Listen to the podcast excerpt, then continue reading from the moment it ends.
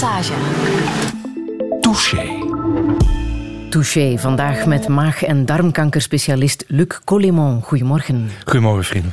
Sinds uh, ja, jaren, sinds drie jaar ben je uh, fulltime bezig met uh, de VZ2 Stop Darmkanker. Je hebt die carrière als maag- en darmspecialist een beetje opzij gezet om hier fulltime mee bezig te zijn. Hè?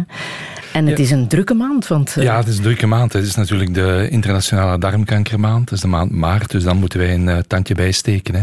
Wij voeren het hele jaar door acties, maar maart is natuurlijk de maand om nog meer in de actualiteit te proberen te komen. Ik heb eh, 28 jaar in het Vincentius ziekenhuis in Antwerpen als maagdarmspecialist gewerkt. En eind 2015 heb ik de deur van het bureau waar ik 28 jaar gewerkt heb achter mij dichtgetrokken. Ik heb mijn ontslag gegeven, ik ben weggegaan uit het ziekenhuis. En ik werk nu drie jaar fulltime voor de VZW die ik zelf opgericht heb. En je bent behoorlijk druk geweest de voorbije week met eh, ja, verschillende campagnes. Hè? Onder Ja, andere de, hadden- de Shitty Friends. We hadden de Shitty Fan campagne, die een, een mooie en een positieve campagne is. Er wordt ons soms verweten dat we altijd op die negatieve kanten en met zware cijfers afkomen. Maar Shitty Friend campagne is eigenlijk een, een positieve campagne. Een Shitty Friend is iemand die zijn beste vriend er doet aan herinneren dat hij om het jaar zijn stoelgangtest moet laten doen. En dat kan hij heel eenvoudig door te registreren op onze website shittyfriend.be. Registreren en de persoon uitkiezen naar wie je de mail wil versturen. En dan delen op sociale media. Ik zou zeggen, just do it. En het is poepsimpel. Er is ook de sensibiliseringscampagne met het eh, blauwe lintje en met het bandje dat je zelf Ja. aan hebt.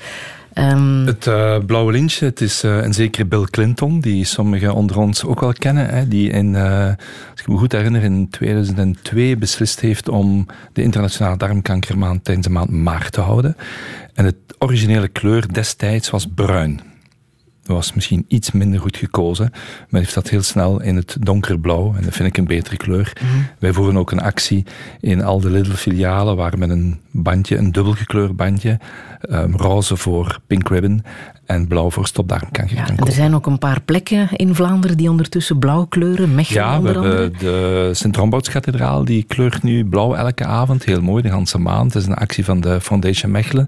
Onder eh, sturende kracht van Piet en Boer, voetbalicoon, hè, en Jan Simons. Eind van de maand sluit ik daar de maand af, ook op een zondag matinee voorstelling. Om 10.30 uur in de Lamotte, dus eh, iedereen wil komen, het is gratis, wil dat auditorium vol krijgen. De, het gemeentehuis van Schelle staat ook heel mooi in het blauw verlicht. Dat is een actie van schepen Axel Boen. Dus we proberen Vlaanderen iets blauwer te maken. En er is ook nog een boksgala. eh, Ja, een maand. Dat is, eh, mensen schrikken altijd als ze horen het boksgala. Dat is ons eigenlijk ons stopdarmkankergala. Dat op 22 maart, vrijdag 20 maart, in de Gelamco Arena in Gent plaats heeft. Waarbij een twintigtal ondernemers, dat zijn advocaten, architecten, bedrijfsleider, ook mijn eigen projectmanager Bruno Mettepenningen, die meedoet. Die zijn al vier maanden aan het trainen, iedere morgen om zeven uur. En het kost werkelijk eh, bloed, zweet en tranen voor hun, onder leiding van Junior Bouwers. En die gaan dan op 22 maart letterlijk in de ring om darmkanker een extra uppercut te geven. Ja, en het is nog niet afgelopen. Hè? Je geeft zoveel lezingen nog altijd. Er is een strip waar we het zo meteen eh, ook nog zullen over hebben. Ehm, dat zijn drukke tijden. Het zijn als drukke tijden. hè. Ik geef Zo'n VZ2 leidt. 120, 130 lezingen Ja. per jaar. Dit weekend ga ik even over weer naar Rome, waar ik ook een lezing moet geven. Het weekend nadien ben ik uitgenodigd in Amsterdam. Maar eh, morgen of overmorgenavond spreek ik even goed in Merelbeke. En de agenda staat Als behoorlijk de vol. mensen het dan nog niet weten dat ze toch even die stoelgangtests moeten doen, Wel, er heeft ooit- het niet aan jou liggen. Er heeft onlangs iemand gezegd, en iemand die in de marketingwereld zei, hij zegt, wordt het niet tijd voor een campagne van, als je nu darmkanker krijgt, is je eigen schuld. Nu, dat vind ik een beetje een straffe uitspraak, maar Mhm. we proberen de mensen te informeren. Ja. Ja, want kennis kan levens redden. Hè? Dat is ook Kennis delen kan levens redden, dat is mijn motto. Dat is ook de ondertitel van een van mijn boeken. Ik geloof echt in het principe dat van, als je kennis deelt, kennis die ik heb, als ik kan overbrengen naar andere mensen, via sociale media, via interviews, via lezingen, dan kunnen we echt het verschil maken. En dan Dat kunnen we een, ehm, mhm. levens redden, dan kunnen we leed vermijden, dan kunnen we kosten besparen. Want de tegenstander tegen wie we vechten, darmkanker, dat is toch niet de eerste, de beste. En dan moet je je ambities zeer hoog leggen. Dat je een goede marketeer bent, dat hebben we zo net kunnen horen. Maar hoe zou jij jezelf omschrijven? Wel, ik ben in de eerste plaats nog altijd arts. Hè. Ik ben maagdarmspecialist, ik doe dat graag. Uh, sommige mensen noemen mij een creatieve activist. Uh, iemand die op de barricade staat. Men heeft me ooit een jihadstrijder genoemd. Um, Kathleen Kools heeft ooit vriendelijk gezegd een witte ridder op het bruine paard. Um, wij zijn een actiegroep en ik doe dat omdat ik weet dat, ik zeg het nogmaals, de tegenstander die we hebben, darmkanker, per dag 23 nieuwe gevallen in België, per dag 9 families die een dierbare verliezen.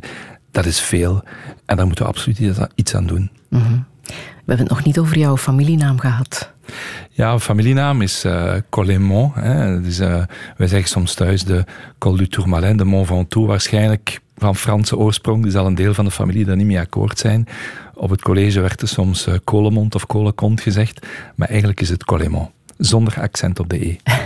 en zit daar ook een symboliek in? Het is een berg die jij aan het beklimmen bent. Wel, het is een berg die we beklimmen en um, het is een berg met heel, heel veel hindernissen, met kleine paadjes, met uh, obstakels en die, die weg is nog lang, eer dat we de top bereiken.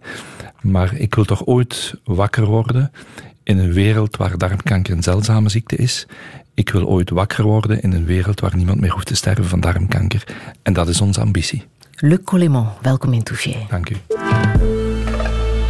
Radio 1. 1. Friedel Lassage. Touché.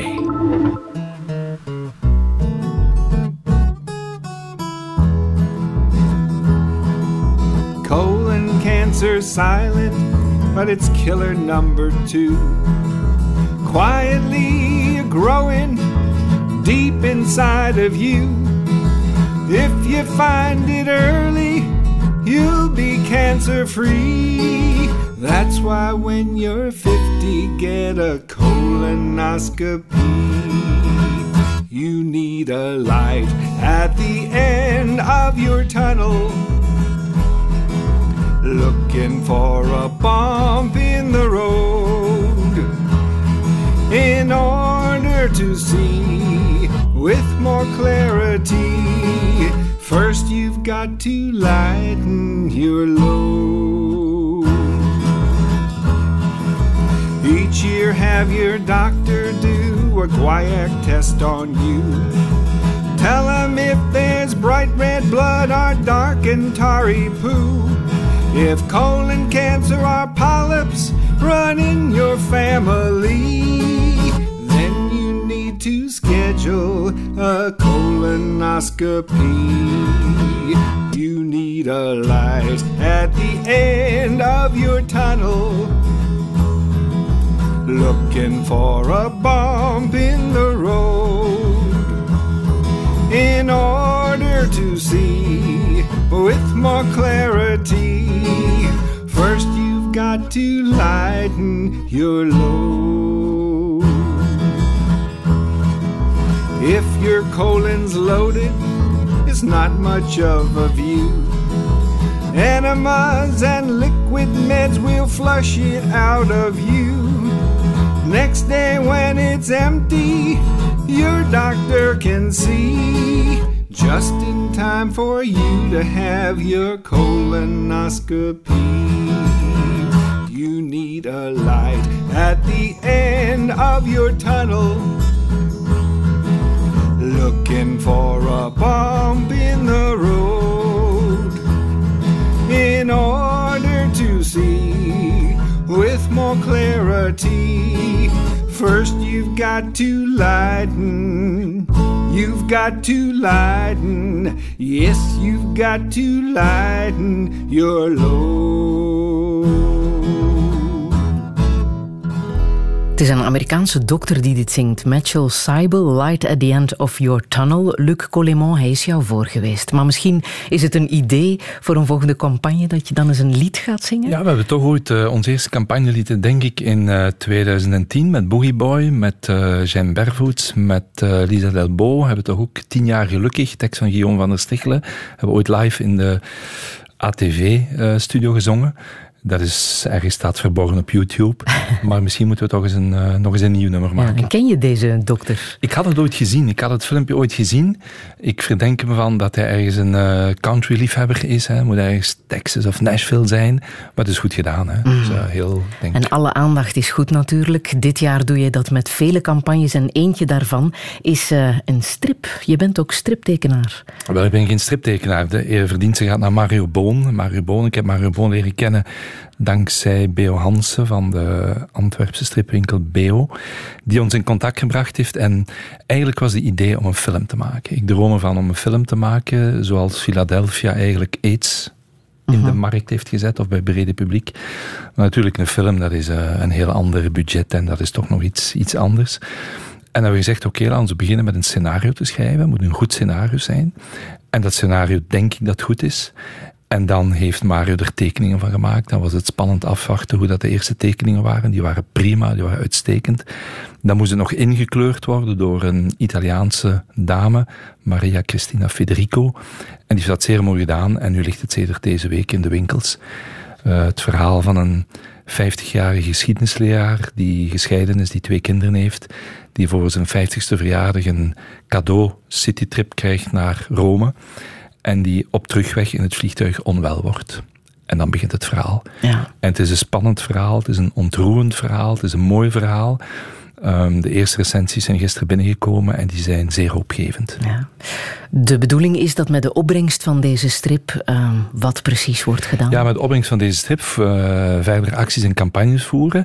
Meer specifiek willen wij deze strip, die nu al in vier talen uitkomt, hè, want hij komt in het Nederlands, in het Frans is het Jean, in het Engels is het John, en hij komt ook in het Antwerps uit. Hè, dat moet natuurlijk, een beperkte oplage vertaald door andermaal Guillaume van der Stichelen, waarvoor dank. um, we hebben een aanbieding gekregen uit Polen om het in Pools. We hebben een vraag gekregen uit Macedonië. We zijn bezig met de Italiaanse vertaling. Ik denk dat de opbrengsten van dit boek gaan naar vertalingen voor andere versies. Ja, want het is nodig om die kennis te delen.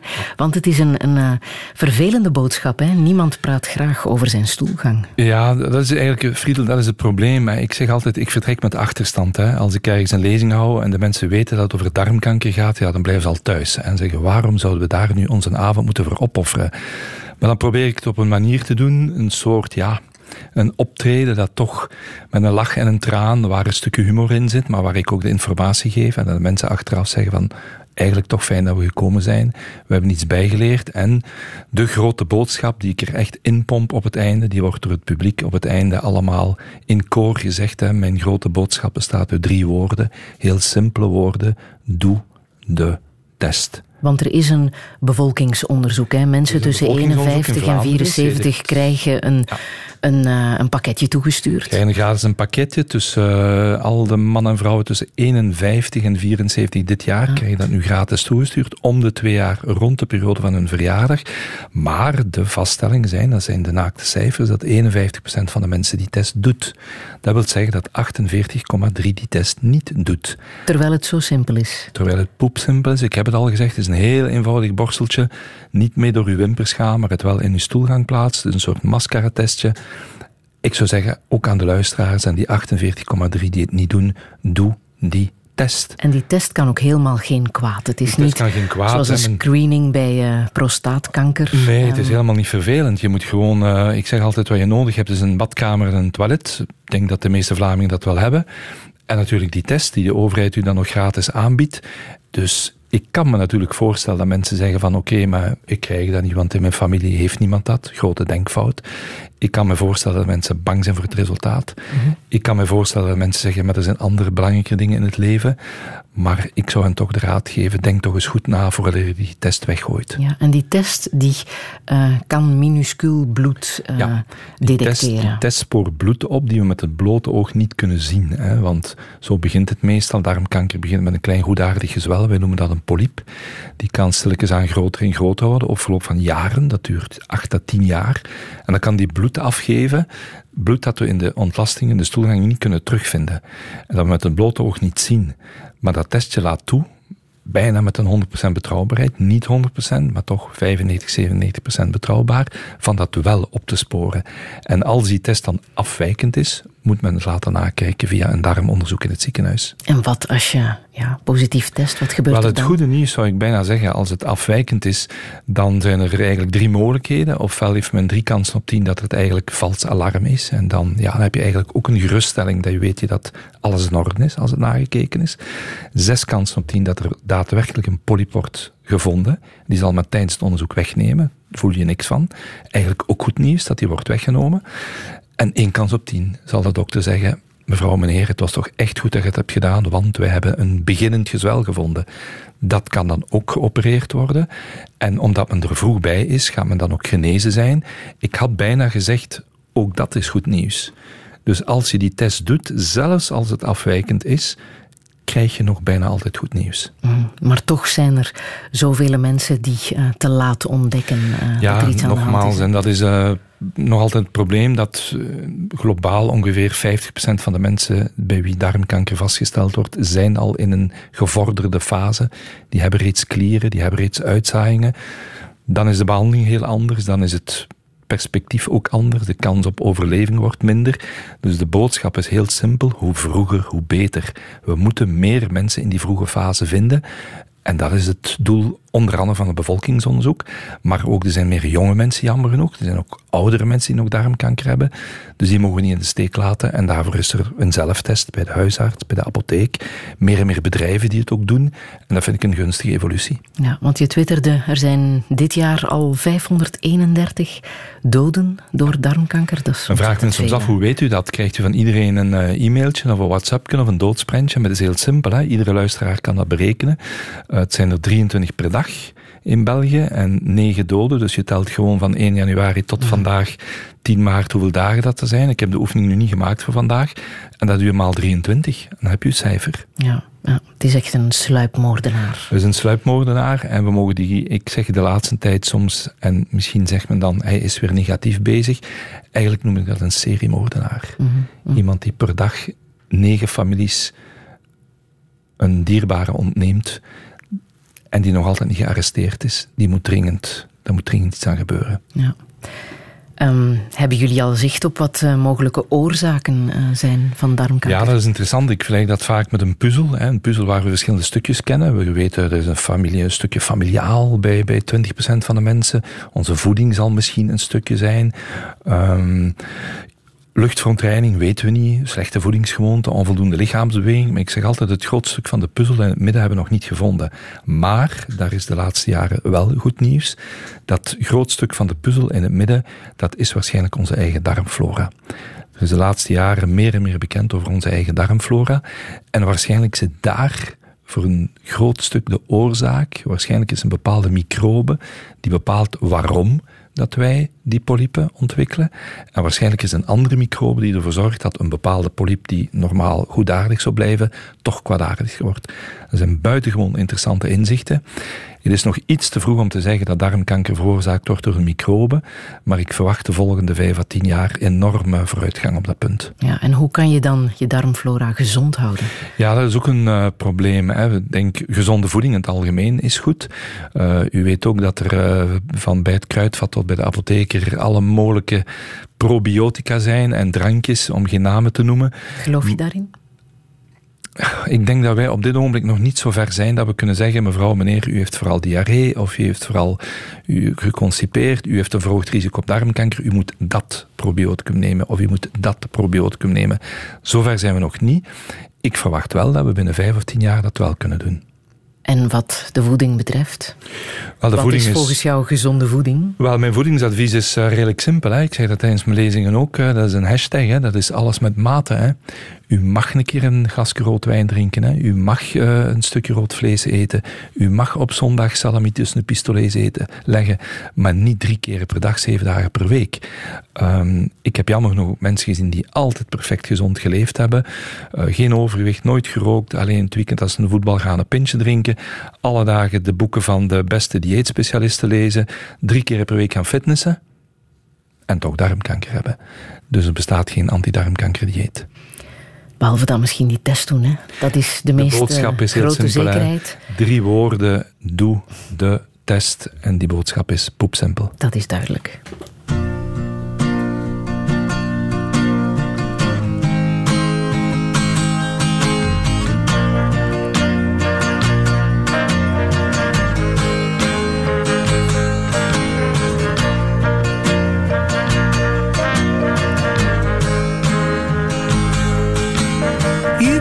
Stadt lacht das Sonnenlicht, doch bei den Menschen finde ich oft das Lachen nicht, denn es gibt andere Dinge, von denen man spricht in Jerusalem. Und du fällst mir in diese anderen Welt, in der mich jeder nur für eine Fremde hält. Doch ich hab mein Herz lang schon eingestellt auf Jerusalem. Viele Menschen sind da, die verstehen sich. Viele fühlen gerade wie du und ich. Sie denken auch an Liebe, wie ich an dich in Jerusalem. Zwischen Steinen her blüht ein Mandelbaum, wie aus grauen Zeiten ein Zukunftstraum. Doch von der Hoffnung kommt die Erfüllung kaum in Jerusalem. Doch allen lacht der Sonnenschein und die Mauern sind weiß und ich bin allein. Doch ich möchte ein Freund unter Freunden sein in Jerusalem. La da di da da da di di di La da di da da da da di di di La di da da da di di di La da di di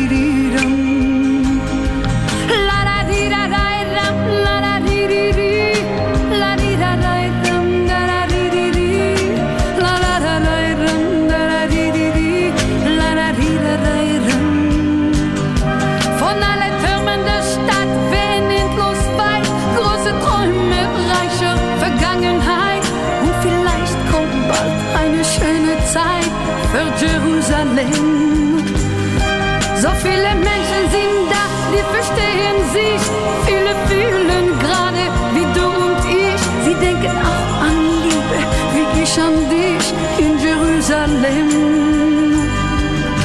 Und du fällst mir in diese Welt, in der mich jeder nur für eine Fremde hält. Doch ich hab mein Herz lang schon eingestellt auf Jerusalem.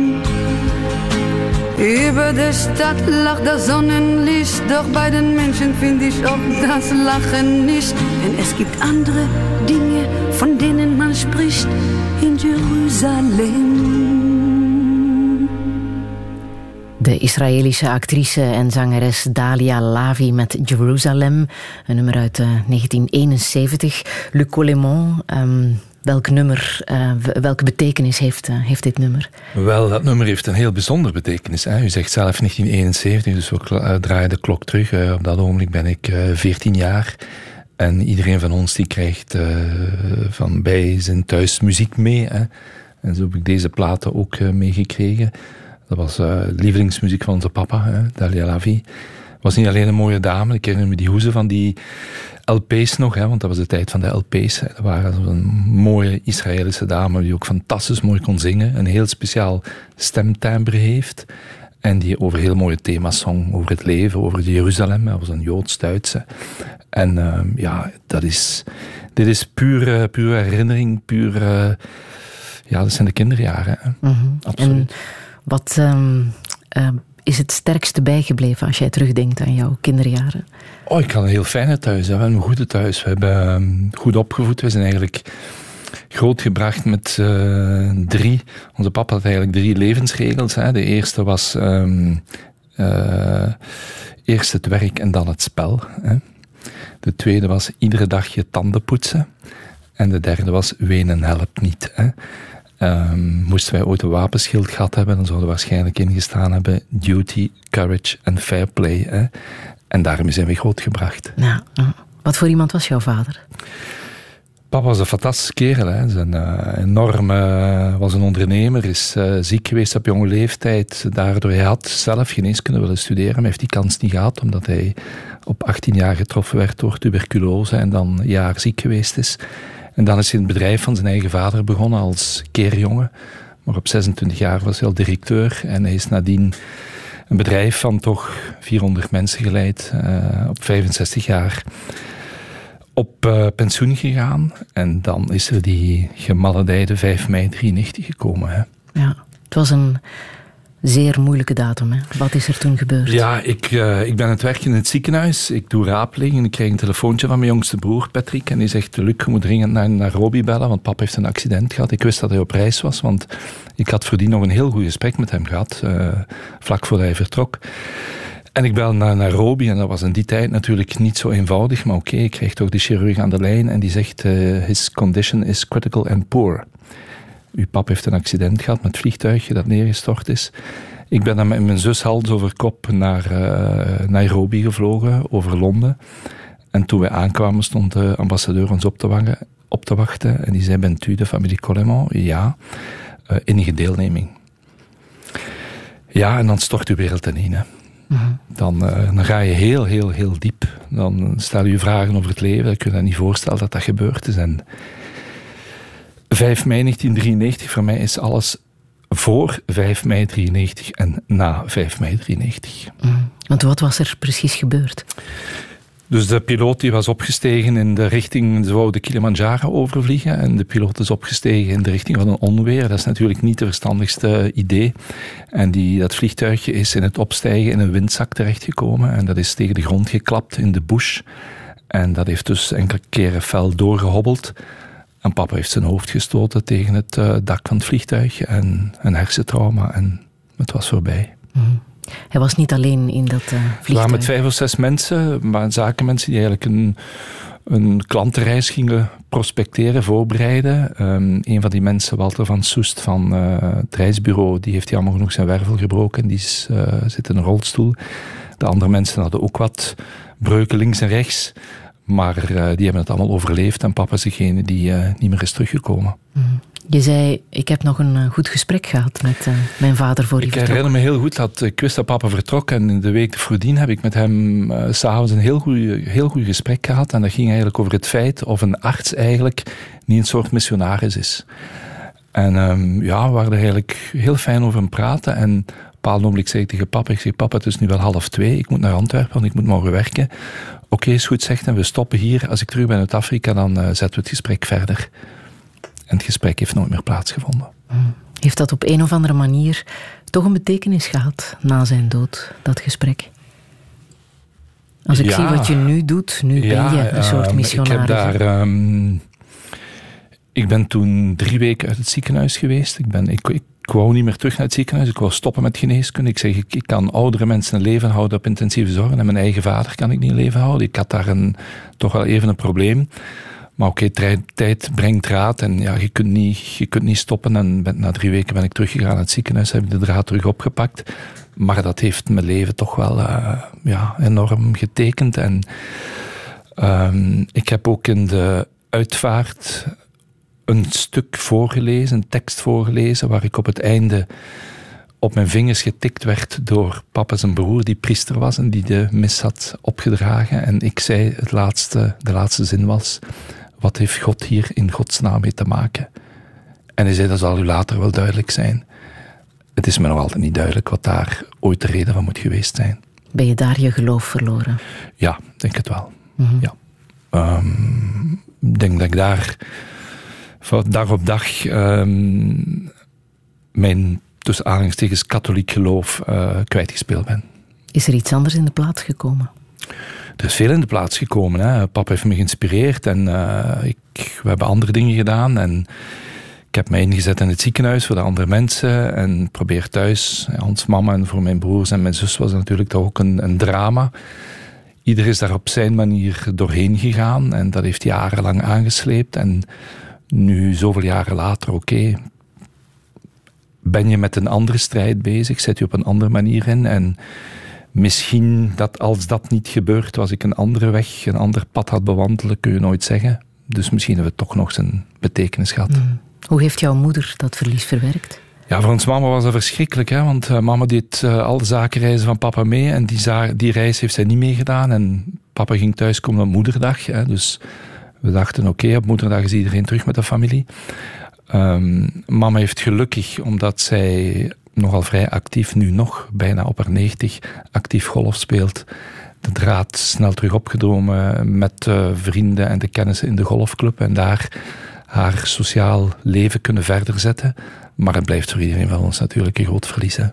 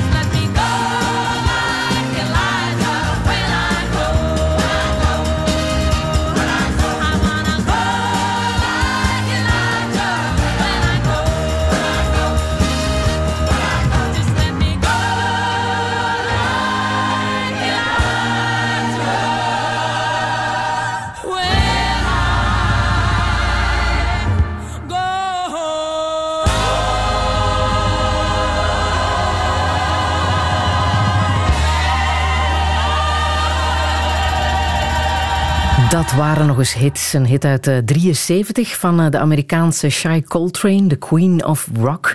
Luc Colimont, waarom wou je dit laten horen? Go Like Elijah. Wel, ik denk dat uh, Shy Coltrane, als ik me goed herinner, moet dat... Ik heb getwijfeld tussen twee platen. Ofwel Carly Simon, ofwel Shy Coltrane. Dat is de allereerste LP die ik gekocht heb met mijn eerste spaarcentjes. Ja. En dat was dus... Goeie keuze. Ja, ja, dat is altijd een, ik vond een geweldig nummer. Ook de vitaliteit die van die dame afdruipt. En de, in die tijd uh, versta je die tekst niet. En uh, je vindt gewoon mooie muziek. En uh, ja, dat was, de, dat was de eerste LP die ik gekocht heb. Ja. Luc ik praat hier met een maag-darmspecialist. Maar voor hetzelfde geld praat ik hier vandaag met een gewezen profvoetballer. Hoe goed was jij? Wel, ik was redelijk goed. Um, ik heb uh, met de juniors van Hasselt meegespeeld. We hebben toch een paar historische wedstrijden gespeeld. Tegen bijvoorbeeld Standaard. Ik herinner me nog heel goed dat ik ooit tegen een zeker Michel Prudhomme een strafschop genomen heb. Echt waar? Die hij niet kon houden, maar die wel scoorde. Um, en dan kwam het punt dat ik naar de universiteit moest gaan. En moest ik een keuze maken. Word ik of uh, voetballer of ga ik dan toch maar geneeskunde doen? Die keuze heeft, eh, ik denk dat ik er één avond over getwijfeld heb. Wordt het LUC of wordt het Sporting Hasselt? En ik heb uiteindelijk voor eh, het LUC gekozen. Ik ben geneeskunde gaan studeren. En waarom? Wat heeft de doorslag gegeven? Friedel, ik moet eerlijk zeggen dat ik het niet weet, maar ik denk dat ik waarschijnlijk toch wel van papa de boodschap zou gehad, hebben van kies maar voor zekerheid en uh, ga toch maar geneeskunde studeren. Ja. Dan kun je nog wel zoveel voetballen als je wilt, maar denk dat dat beter is. Misschien het feit dat papa zelf ook geneeskunde had willen studeren, maar dus niet kunnen heeft, dat hij gezegd heeft van ga jij dat maar doen. Ja. En dan heb je gekozen voor de specialisatie maag-darm. Waarom precies? Met welke motivatie? Ja, um, maag-darmziekte is uh, natuurlijk eerst inwendige ziekte, maar dan is de periode gekomen dat dus de algemene internist eigenlijk minder minder bestond. Hè. We kregen dan de hartspecialisten, de longspecialisten, de mensen die klierziekte doen, de nierspecialisten. En in maag- en darmziekte heb je een zeer uitgebreid um, domein eigenlijk. Dat is letterlijk en figuurlijk van de mond tot de puntje, puntje, het rijmt erop, van de slokdarm tot het laatste stukje van de darm. En wat daar boeiend is, is dat um, we, kunnen heel veel zelf doen. We kunnen zelf patiënten onderzoeken, ondervragen. We kunnen heel veel onderzoeken zelf doen. De echografie, de, in de maag kijken, in de darmen kijken.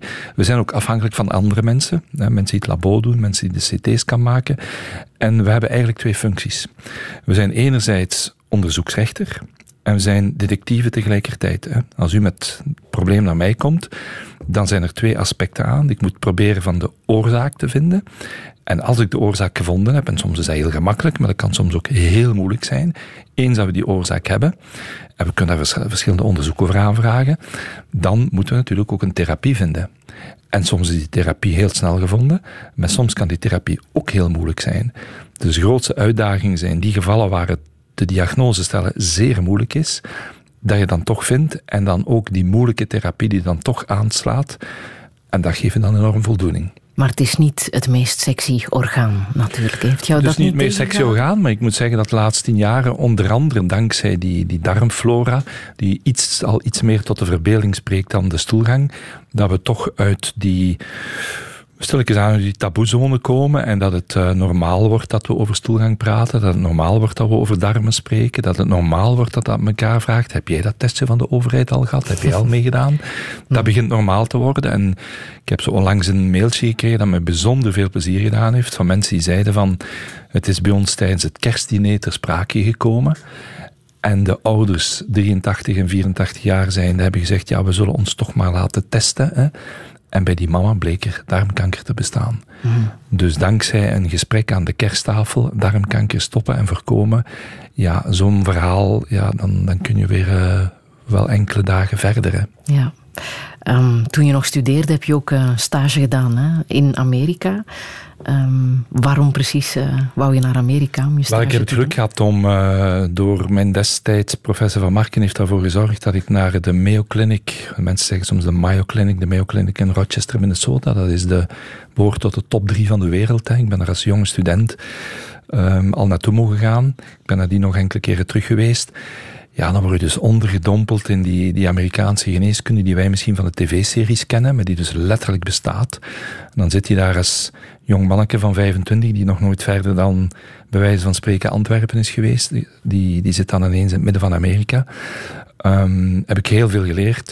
Ik heb dan nadien ook het geluk gehad om in uh, Los Angeles te werken op een uh, intensieve dienst in Watts. Dat is zo wat de meest gevaarlijke buurt van heel Amerika, waar schotwonden dagdagelijkse kost zijn.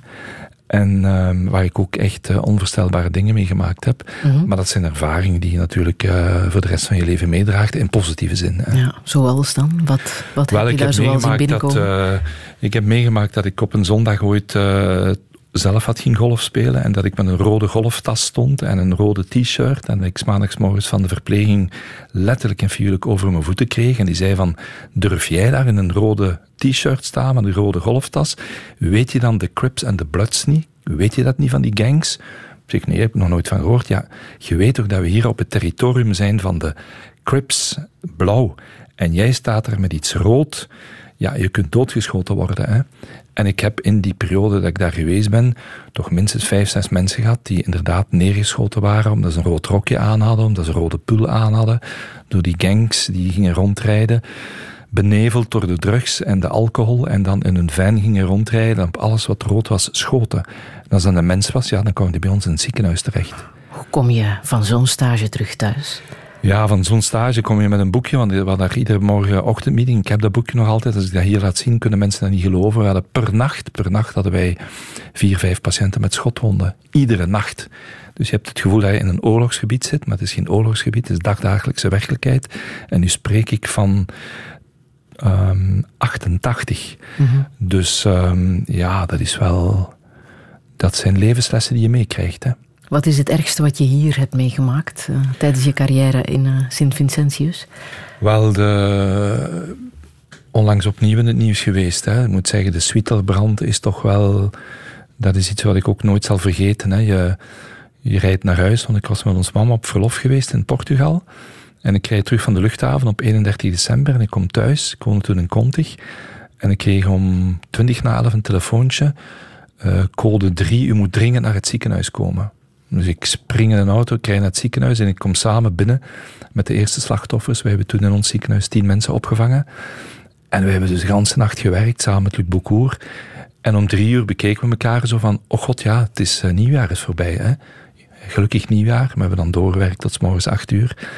En ja, dan hebben we toch heel wat ellende gezien. En dat was ja, toch een van de grootste rampen waar ik rechtstreeks mee betrokken ben geweest. Ja, in het nieuws uh, was dit toen uh, ook te horen. Het Antwerpse Switel Hotel, vlakbij het Centraal Station.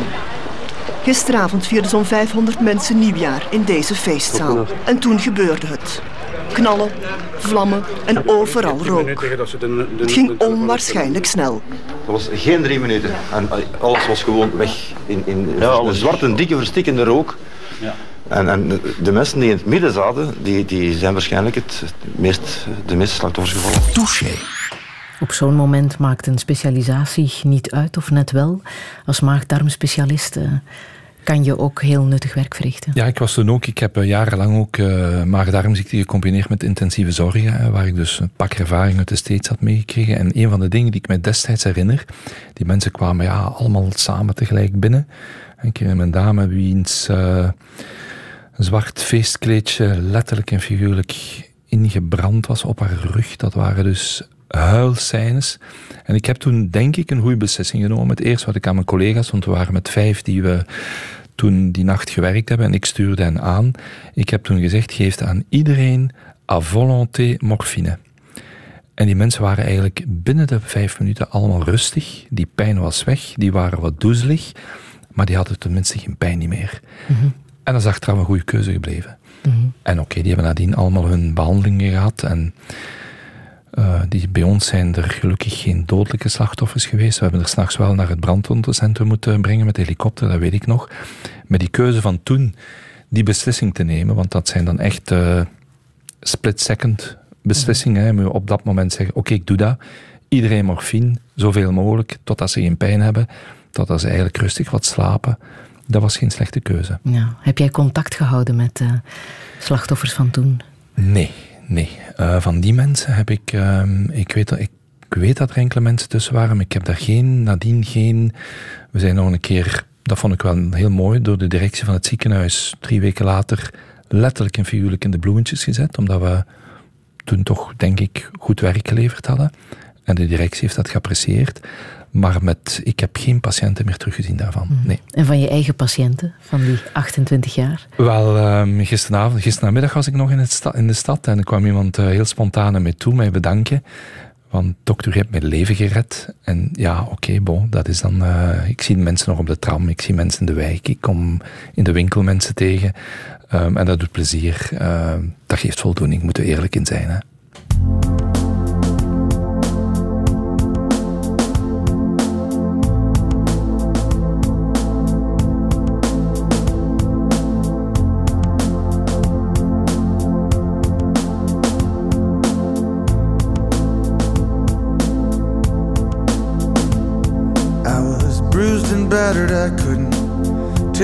I felt. I was unrecognizable to myself.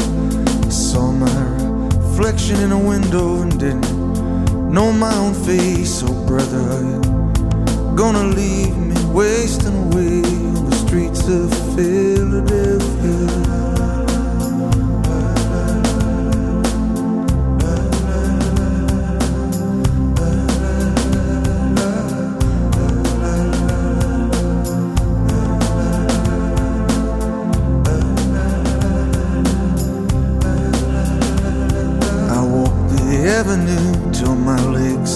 Like stone. I heard the voices of friends vanished and gone.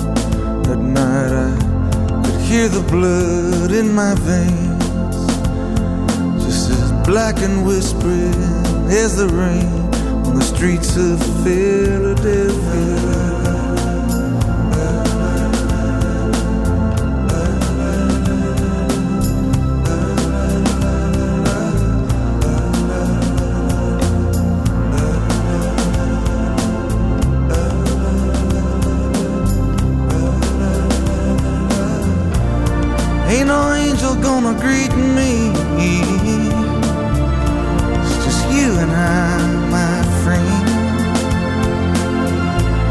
And my clothes don't fit me no more.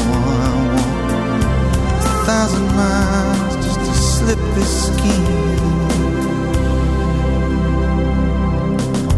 The night is falling, I'm lying awake. I can feel myself fading away so receive me, brother, with you faithless kiss, or will we leave each other alone like this on the streets of Philadelphia?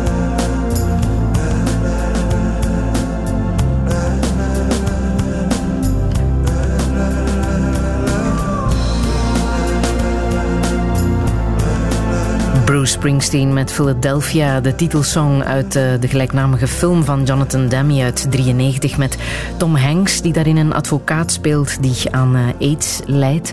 Luc Collemont, het is een uh, film met betekenis voor jou, hè? Ja, ik vond het destijds een hele mooie film. Ik, heb hem, ik vond ook het nummer, de titelsong, prachtig. die, die eerste tonen zijn, zijn schitterend en ja, Bruce Springsteen, monument die dat zingt. Maar het, is, uh, het heeft ons, voor mij persoonlijk ook, uh, inspiratie geleverd voor het project dat we nu met Dirk doen. Hè. Um, de film heeft eigenlijk toch wel aids bij het brede publiek op een heel mooie manier toegankelijk gemaakt, want men had daar toch ook weer een negatieve perceptie over. Um, en ik heb altijd gedacht, god, waarom kunnen we geen film maken over darmkanker die op die manier de ziekte bij het brede publiek bekend maakt. Film maken is, uh, blijft nog altijd ambitie, maar dat is natuurlijk, uh, dan spreken we over andere budgetten. Ik had uh, bekende acteurs die zeiden, oké, okay, geef maar een seintje. Echt, ja? ja, ja, ja. De Tom Waassen en de Jan de Clairs en jammer genoeg ook Mark van Egem, die stonden klaar om mee mhm. te doen. Maar um, we hebben gezegd, oké, okay, gezien de budgetair niet zo eenvoudig is, laat ons de zaak omdraaien. We beginnen met een goed scenario. En we maken Dirk. Mhm. En die ligt nu in de winkel. Ja, en dat is een strip. Ben je een stripliefhebber? Wij zijn thuis grootgebracht met uh, twee strips, uh, de kuifjes. Hè. Papa was een kuifjeliefhebber en uh, wij ook. We hebben ze allemaal gelezen. Dus ik denk dat ik de kuifjes van voor tot achter ken. En Michel Vaillant. Dat was natuurlijk jongens en hmm. race, autosport. Niet met Suske en Wiske, niet met uh, Kiekeboe, niet met andere dingen. Maar Kuifje en uh, Michel Vaillant, dat waren strips die thuis uh, op tafel lagen. Ja, en die autosport, hoe diep zit dat in jouw DNA? Wel, de autosport uh, die zit samen met uh, liefde voor Italië. Hè. Ik, uh, ik ben een autoliefhebber. Ik hou van alles wat Italië is. Onder andere ook van auto's, van Alfa Romeo. Ik heb een tijdje ook wat oude auto's gehad. Ik heb daar ook ooit een boek over geschreven, over de eerste naoorlogse Alfa Romeo. 550 bladzijden. Ben ik zeven jaar aan bezig geweest. Echt? Ja. ja. Uh, misschien tijd die ik nuttig had kunnen besteden. Maar oké, okay, dat boek is er ook. Uh, ik heb dan zelf enkele wagens gehad. En ik heb nu een miniatuur miniatuurverzameling van kleine autootjes. Mensen denken, is die nu helemaal gek? Maar oké, okay, ieder heeft zo van die kantjes. Hè. En hoe groot is die miniatuurverzameling? Ja, die is redelijk, uh, die is redelijk uh, uit de hand gelopen. Um, uh, verhuizen, als die ooit moet verhuizen, zal dat het, het moeilijkste van heel het, de verhuis zijn, denk ik. Maar het zijn er meer dan 1200, ja. Wow. Ja, De hele geschiedenis van Alfa Romeo. Op en daar heb je een speciale kamer voor ingericht? Daar heb ik een speciale kamer, dat mijn lieve echtgenote noemt dat het Il Museo. Hè. Uh, en daar staan mooie vitrinekasten waar ze allemaal wel keurig uitgestald staan. Ja, want dat is wat, hè, die oldtimers uh, business. Ja, de oldtimer business is de laatste jaren, ik denk de laatste 15 jaar, zit enorm in de lift. Dus altijd veel interesse voor geweest. Maar nu is ook vanuit uh, economisch en investeringsstandpunt heel veel oldtimer liefhebbers die weten dat daarin investeren een goede investering is. Ik heb mijn verkocht voor die periode, omdat ik mij sedert 10 150% met stopdarmkanker bezig hou. Maar het is een mooie, oldtimer events zijn altijd mooi en het is een stuk geschiedenis en ik apprecieer enorm de mensen die die wagens nog in ere houden en daar mooie events mee doen, want dat is toch een stuk van onze geschiedenis, onze cultuur. Hè? Ja. Mooie wagens, je rijdt volgens mij nog altijd met een mooie wagen, hè? Ik rij met een mooie wagen ook met een uh, Italiaans merk dat niet met een F of een A begint. Een drietand, een uh, fijne wagen waar het vooral heel aangenaam is om als ik een lezing gegeven heb, bijvoorbeeld in Nieuwpoort, en ik moet dan s'avonds om half twaalf nog terug naar Antwerpen, dan is het zeer comfortabel en vooral ook veilig om dat op een rustige manier te doen. Dan heb je nog altijd niet gezegd welke wagen. Maar ik weet niet of dit een reclameuitzending is. Het is uh, ik wil graag een, weten waar een, uh, een, groot uh, autoliefhebber nu mee ja, rijdt. Natuurlijk. Dan mag het met, gezegd worden. Ik rij met de Levante. Levante is de SUV van Maserati. Mm -hmm. Is de kleur ook belangrijk? De kleur, het is een kleur die ik gekozen heb. Het is, ik weet niet hoe de kleur is. Het is grijs, grijs. Het is niet helemaal grijs metaliek, maar het is een grijs dat bestand is tegen het vuil. Dus je ziet eigenlijk nooit dat de wagen vuil is. Die witte wagens, daar heb ik het niet heel fel voor. Die zwarte wagens die zijn onmiddellijk vuil.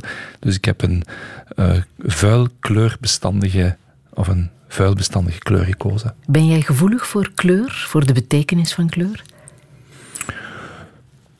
Papa was een uh, verfliefhebber en had een verfzaak. Dus we zijn met kleur thuis ook grootgebracht. En het belang van kleur, denk kleur um, enorm belangrijk is en, en, heel veel kan doen op de mensen. Um, het blauw, symbool voor de strijd tegen darmkanker, is ook, uh, heeft mij kennelijk op voorhand al een keer geïnspireerd. Want het werk dat ik jarenlang in mijn bureau heb gehangen in het ziekenhuis, mensen die ooit bij mij geweest zijn, was een modern kunstwerk van Mark Rothko groot, mooi kunstwerk. Niet het origineel, hè, Friedel. Want, dat dacht ik al.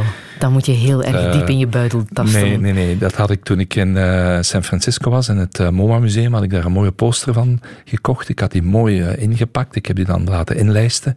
En dan leek het alsof het een echte Rothko was. en dat is gewoon blauw. Heel mooi blauw. Heel mooi kunstwerk. En ja, dat is, dat is mooi. Ik heb nog muziek uit The Godfather van Francis Ford Coppola. Um, muziek uh, bij een film waar een Alfa Romeo uh, tot ontploffing komt. Hè? Ja. Dat, dat moet pijn de... doen als je nee, zo'n scène dat is, ziet. Uh, dat is een apart verhaal, want dat is een verhaal dat misschien weinig mensen kennen, met de wagen die daar op het einde in deel 1 ontploft wordt, waar Apollonia in zit en daar ja. om het leven komt. Dat is exact dezelfde wagen die ik tien jaar gehad heb. Exact dezelfde kleur. Alles, alles hetzelfde. Ik heb jarenlang research gedaan om te zien wat met die wagen ooit gebeurd is, want dat was in de jaren 72. Hoe is die trucage gedaan? Want volgens mij is het toch trucage. Ik kan me moeilijk voorstellen dat Francis Coppola, zelf een autoliefhebber, die zomaar opblaast. Hè. Die wagen was toen 20, 25 jaar oud. Ik heb daarvoor heel veel mails naar Hollywood gestuurd. Um, ik heb eigenlijk nooit een antwoord gekregen. Hoe hebben ze dat ooit geflikt eigenlijk? Hè? Uh -huh. Dus als een luisteraar dat wel weet, dan mag je altijd met mij contact opnemen. Want dat staat ook in mijn boek.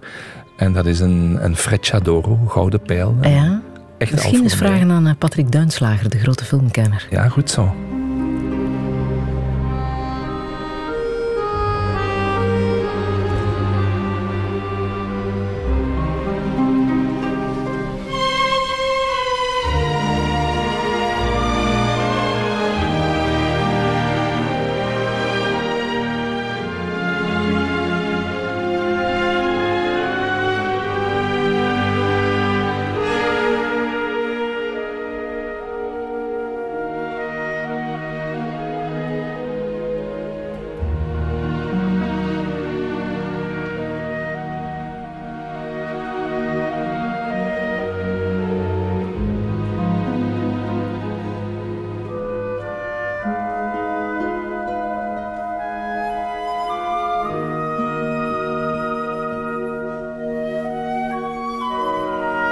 Iconische muziek uit The Godfather van uh, Nino Rota. The Godfather uit uh, 72 van uh, Coppola.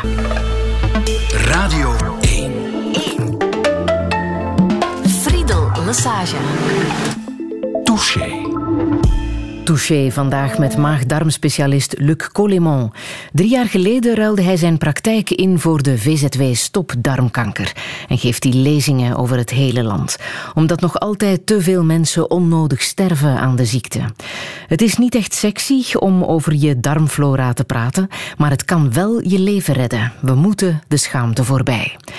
De dood kwam al vaker ongewenst op zijn pad. Zo stierf zijn vader in een vliegtuigongeval in Kenia en was hij eerste getuige van de Switelbrand in Antwerpen. Rust vindt hij in Italië en in zijn fascinatie voor oldtimers. Met stip op nummer 1 staat de Alfa Romeo Alfa Romeo Frecciadoro, die ook in The Godfather een uh, bijzondere rol speelt. Maar hoe moet het verder? Is een carrière-switch het middel voor een langer professioneel leven? En wat als je kinderloos eindigt? Dit is Touché met Luc Collemont. Een zeer goede middag. Such a feeling's coming over me. There is wonder in everything I see. Not a cloud in the sky, got the sun in my eyes, and I won't be surprised if it's a dream. Everything I want the world to be is now coming true, especially for me. And the reason is clear it's because you are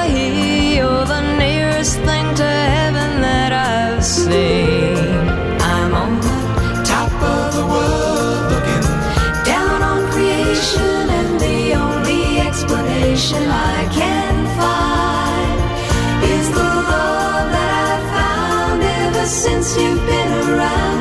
Your love's put me at the top of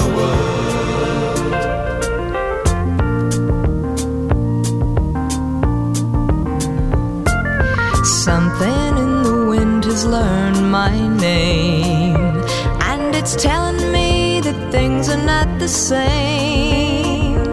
In the leaves on the trees and the touch of the breeze, there's a pleasing sense of happiness for me. There is only one wish on my mind. When this day is through, I hope that I will find that tomorrow be just the same for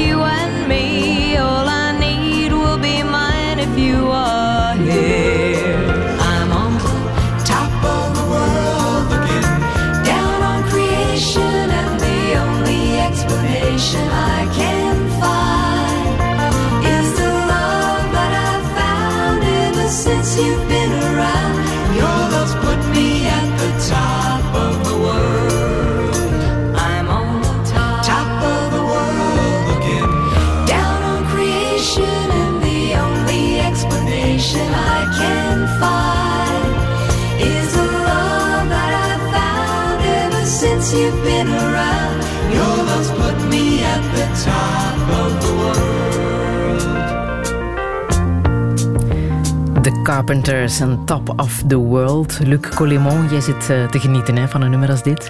Ja, dat is ook weer uh, pure nostalgie, pure jeugdherinnering. Hè. Dat was uh, Carpenters, broer en zus, ja. die eigenlijk toch wel een fantastische carrière gehad hebben. Heel mooie nummers geschreven en dan toch wel tragisch hoe dat uiteindelijk de zus Karen uiteindelijk ook problemen heeft gekregen, gezondheidsproblemen, zeer ernstige anorexieproblemen.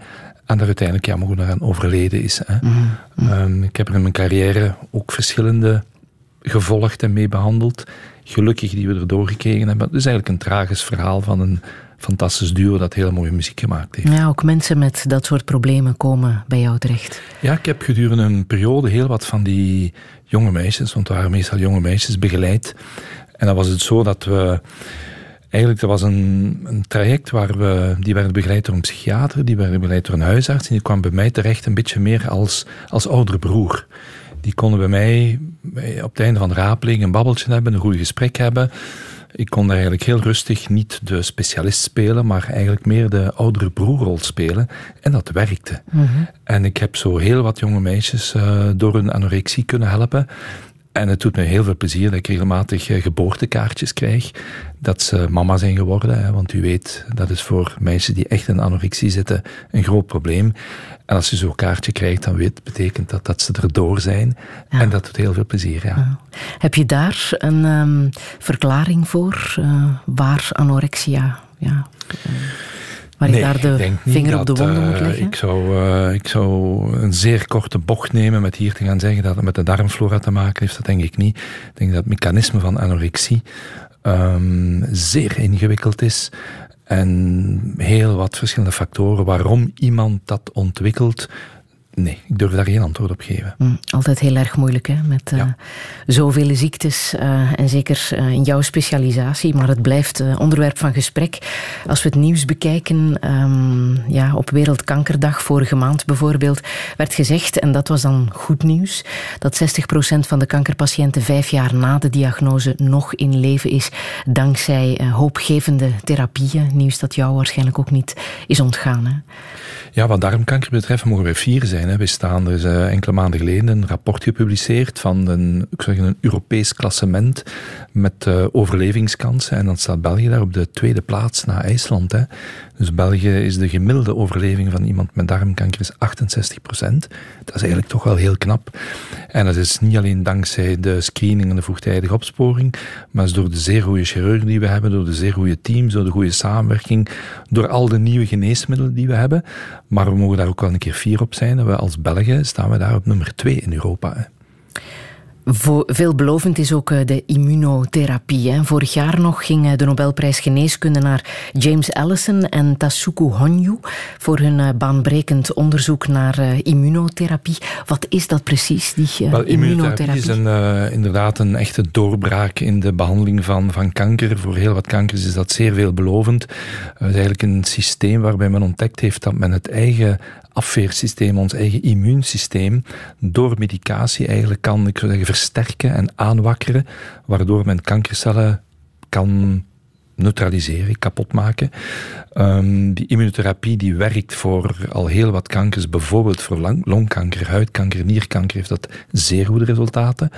Um, maar jammer genoeg nog in ons domein, wat darmkanker betreft, is maximum 1 op 10 ermee geholpen. Dus dat is, uh, men kan bepalen door een bloedtest wie daar gevoelig aan zal zijn aan die therapie. En dan kan die persoon daar inderdaad uh, groot voordeel uit halen. Nadeel van al die dingen, maar dat moeten we misschien even uh, buiten beschouwing laten, is de onwaarschijnlijke kostprijs. Die medicatie is zeer, zeer duur. Onze minister Magie de Blok doet heel veel inspanningen om toch ervoor te zorgen dat die kunnen terugbetaald worden. En de mensen die die nodig hebben, die kunnen krijgen. En ik hoop dat de volgende jaren, ik denk dat de pipeline van heel veel farmaceutische firma's vol zit met immunotherapie. En dat we ook een dag komt dat we kunnen zeggen, kijk, voor darmkanker hebben we geneesmiddel dat ook helpt. Op dit ogenblik is dat voor darmkanker jammer genoeg nog niet zo het geval.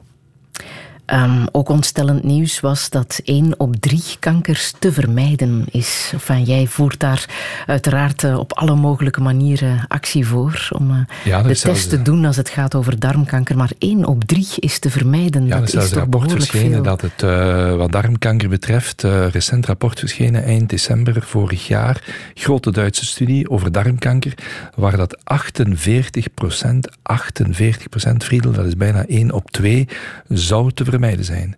Door die gezonde levensstijl. Opnieuw altijd die vijfzelfde factoren. Geen overgewicht, niet roken, geen overmatig alcoholgebruik, gezonde evenwichtige voeding, regelmatige lichaamsbeweging. Als iedereen dat zou doen, als we daar allemaal vijf op vijf zouden scoren, wat niet gemakkelijk is, dat geef ik toe, dan zouden we wat darmkanker betreft waarschijnlijk bijna de helft kunnen voorkomen. Daarmee zeggen dat het de schuld van de mensen is als het krijgt. Ik denk dat een brug te ver is. Maar we moeten buiten het promoten van de screening en de, stoelgangtest, moeten we ook wat men noemt de primaire preventie, de gezonde levensstijl, moeten we ook promoten. De Europese Commissie vraagt dat trouwens ook. En dat kunnen campagnes zijn die hand in hand gaan. Hè. Maar er zijn ontzettend veel hypes als het gaat over een gezond leven. Volg jij die een beetje? Wel, ik, uh, ik zou zeggen, ik volg die een beetje van op de zijlijn. Hè, omdat je, je krijgt natuurlijk in lezingen altijd vragen daarover. Dus je moet toch een, een antwoord klaar hebben. Ik heb dat dus onder de vorm van uh, alles met mate. Hè. Uh, ik denk dat we allemaal moeten aandacht besteden aan ons gewicht, aan Tournee Mineral is een zeer goed initiatief. Roken, ik denk dat de gemiddelde Vlaming wel weet dat dat nu echt ongezond is. De, bewe de voedingshype is denk ik ook goed de laatste jaren. Er wordt meer en meer aandacht aan besteed. En de regelmatige lichaamsbeweging, er zijn heel wat initiatieven. Dus ik denk dat we op dat punt wel vooruitgang maken, maar het kan niet genoeg benadrukt worden. Wat doe jij zelf om gezond door het leven te gaan? Friedel, aan die vraag had ik me niet verwacht. um, ik denk niet dat ik geen overwicht heb. Uh, ik rook niet. Ik drink alleen in de weekend een glaasje wijn die gezonde, evenwichtige voeding, mensen die me kennen, die, daar score ik waarschijnlijk niet zo goed op. En die regelmatige lichaamsbeweging, daar zal ik die lezingen bij betrekken. Want ik bewandel, ik blijf nooit achter de microfoon. Ik bewandel het podium, dus ik zal daar wel aan mijn 10.000 stappen komen. Ja, maar een dokter kan ook ziek worden. Hè? Dat is in jouw geval ook gebeurd. Een dokter kan ook ziek worden, um, net als iedereen. Ik kan ook een galsteen hebben, die heb ik ook laten opereren. En dan zou je natuurlijk zien, als jij je laat opereren, dan gebeuren natuurlijk wel wat kleine complicaties bij. Dus mij dus ook overkomen, maar gelukkig, ik heb mij in mijn eigen ziekenhuis laten opereren en de mensen die vertrouw ik blind. Dus dat is uiteindelijk allemaal goed afgelopen. Um, iedereen heeft wat kleine kwaaltjes, en, um, maar proberen we toch ook te voorkomen en de nodige testen Een klein kwaaltje was het toch niet, hè? Klein kwaaltje. En, uh, nee, ik heb daar veel last van gehad. En ik heb daar op een bepaald ogenblik toch gezegd, nu moet ik daar echt werk van maken, want anders ga ik eens een keer uh, serieus in de problemen komen. Ik herinner me dat ik ooit eens een behoorlijk zware galcrisis gehad heb. De dag dat ik op verlof ging naar Turkije met mijn echtgenote. En toen dacht ik s'morgens, moet ik nu naar het ziekenhuis gaan en me laten opereren? Of gaan we dan toch maar op vakantie? En heb ik wat Buscopan genomen en andere pijnstillers. En we zijn gelukkig toch een week op verlof kunnen gaan. Maar nadien heb ik die steen wel laten wegnemen. Ja, ja maar ondertussen is de galblaas volledig Galblaas is weg, en uh, ik kan de mensen geruststellen. Uh, een paard heeft ook geen galblaas. Een giraf geloof ik ook niet. En die kunnen perfect normaal leven. Want wat moet je doen als je geen galblaas hebt? Dan moet je toch ook wel op je voeding letten? Nee, ik denk dat uh, eigenlijk is dat een orgaan dat we, ik zou bijna zeggen, op overschot gekregen hebben. Hè. Daar stapelt de gal zich op. Om dan tussen de maaltijden of vlak na het eten wordt de gal in de darm gepompt eigenlijk om de vertering te helpen. Nu zijpelt hij rustig gewoon rechtstreeks in de darm en men kan zonder galblaas leven, gelukkig kennen wij genoeg over onze uh, eigen organen? Kennen wij ons lichaam uh, Nee, voldoende? ik denk het niet. Ja. En ik, uh, als ik het vergelijk, om terug te komen over de oldtimers. Ik heb vorige week nog een lezing gegeven voor een, een club van oldtimer-liefhebbers. En ik heb hun gezegd, ik denk dat jullie veel beter het oliepeil van uw wagen kennen, veel beter de bandendruk kennen, veel beter de staat van de carrosserie kennen als jullie eigen uitlaat. En wij gaan ieder jaar met de auto naar de keuring. En dan beginnen we al te zweten van het zal toch allemaal wel in orde zijn. Maar we krijgen voorlopig niet ieder jaar een algemene lichaamskeuring. Mhm. Dus ik denk, wat ik ook vaak deed aan mensen, ik heb dat jarenlang gedaan, mensen die bij mij kwamen met de prikkelbare darm, dan gaf ik hun een, een, een wit blad en ik maakte een ruwe schets van het lichaam en ik vroeg hen, teken uw darm een keer. Hoe denkt u dat uw darm loopt? Friedel, Misschien is dat nog een project. Um, dat is een expositie waard, die tekeningen. dat kan ik geloven. Uh, je ziet ja. de meest gekke dingen en de mensen hebben totaal geen idee hoe hun dikke darm verloopt. Uh, maar dat is een heel boeiend.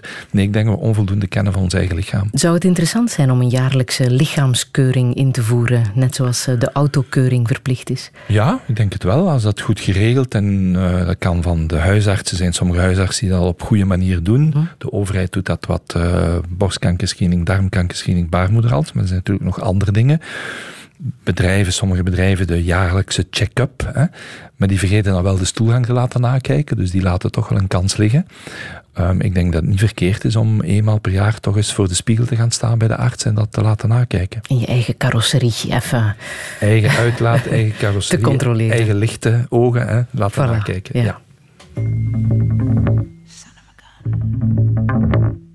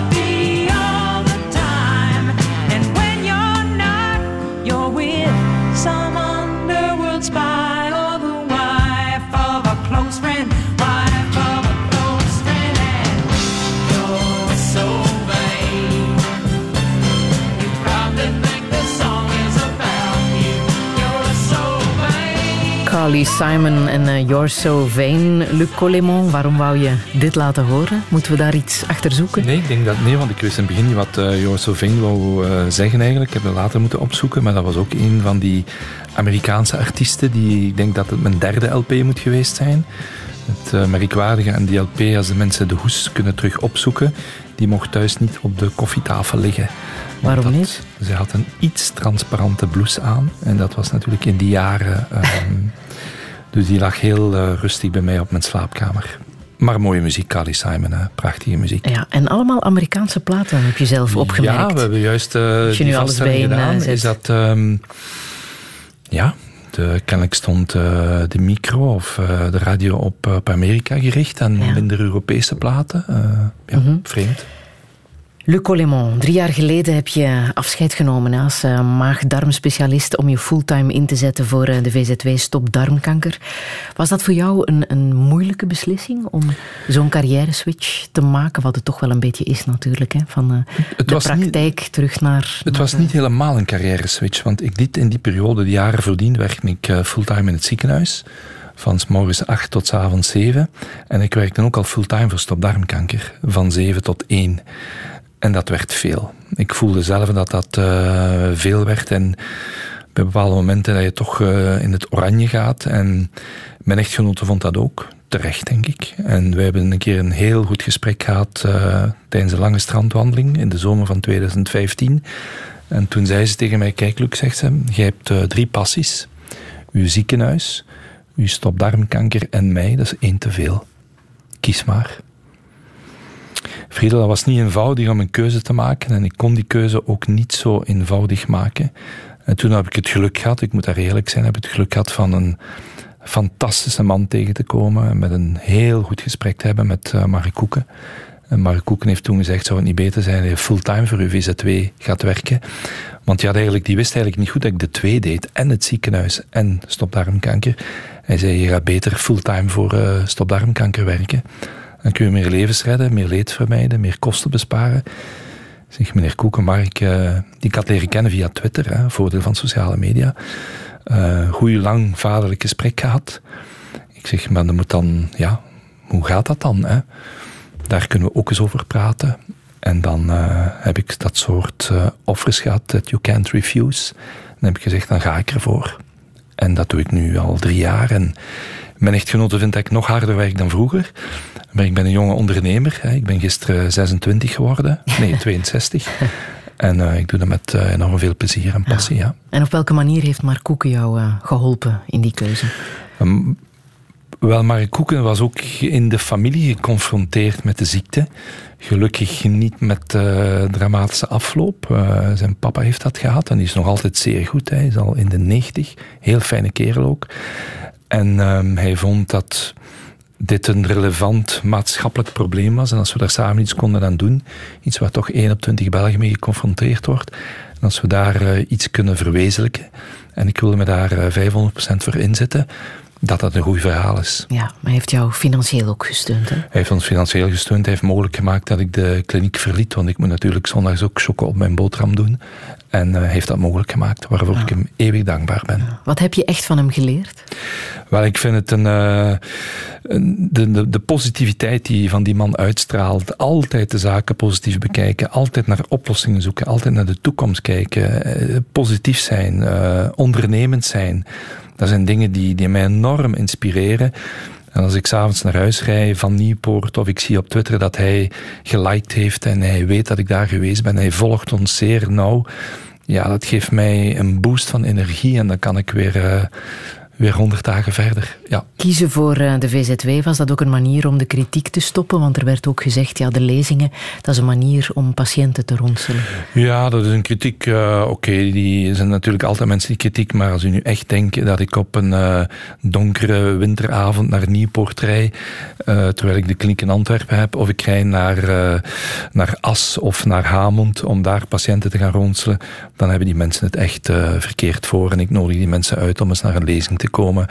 En dan gaan ze misschien een iets ander oordeel daarover hebben. Je hebt ook veel bekende mensen in jouw eh, vriendenkring, in jouw fanclub, want die is behoorlijk groot. Wel, dat is eh, de sociale media die daar een stukje dat mee ondersteunen. En ik heb inderdaad in het ziekenhuis eh, het geluk gehad. Ook veel onbekende, fijne mensen die nog altijd tot mijn vrienden behoren. Maar heel wat, ja, men noemt dat dan BV's te leren kennen, die met hun problemen bij ons kwamen. Die wij zo goed mogelijk proberen te helpen. En wat mij altijd bijgebleven is, en dat vind ik altijd heel fijn, dat die verschillende nadien ooit zeiden van kijk Luc, als we u iets met kunnen helpen, geef dan een telefoon en laat het weten. Want ja, je wilt die niet tussen aanhalingstekens gebruiken. Maar als ze zelf voorstellen van wij willen je voor jouw zaak inzetten. En nu met de Shitty Friend campagne, eh Sven Ornelis die mee op de kar springt, Goede Liekes die mee op de kar springt, andere mensen. Ja, dan doet ons dat wel plezier, ja. Die doen dat allemaal voor jou. Ja. Maar is het toch een manier misschien om eh, jouw eh, carrière als, als arts, als maag-darmspecialist te verlengen? Eh, met wat je nu doet, met de kennis die je hebt eh, Ja, ik heb opgedaan, de eh, ik- ervaring. Ik, denk wel dat ik veel kennis heb die ik nog kan delen. En de weg is nog heel lang. Hè. We hebben nog heel veel werk. Dus ehm, Want zou je nog 10, 15 jaar als specialist kunnen gewerkt hebben? Je bent nu de 60 voorbij. Wel, ik ben dus ja, inderdaad gisteren 62, normaal nog drie jaar. Hè. In het ziekenhuis mag je tot je 65ste werken. Dan kun je dus, ik geloof, twee of drie keer aanvragen om nog jaren langer te doen. Hè. Dan zou dat max 68. Maar eh, gelijk het er nu uitziet, ik voel mij jong en ondernemer. En als God belieft mijn eh, gezondheid goed blijft, dan wil ik dat nog wel enkele jaren doen. En dan ken ik het woord pensioen voorlopig niet. Ja, het is een manier om de carrière te verlengen.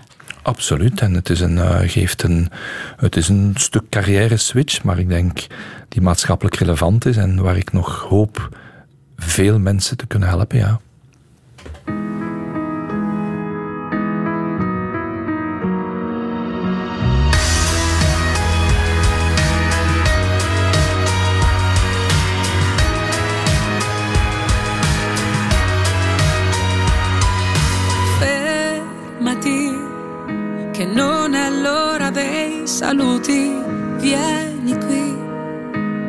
Abbracciami per due minuti. Guardaci, da fuori siamo la fotografia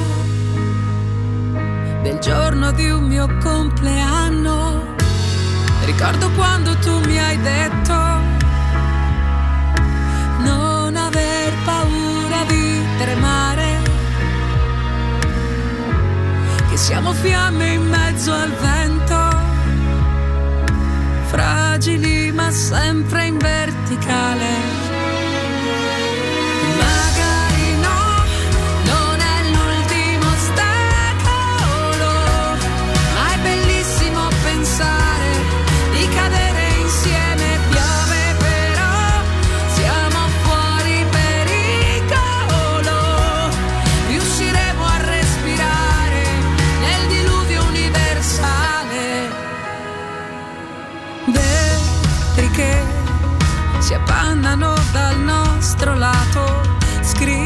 ti.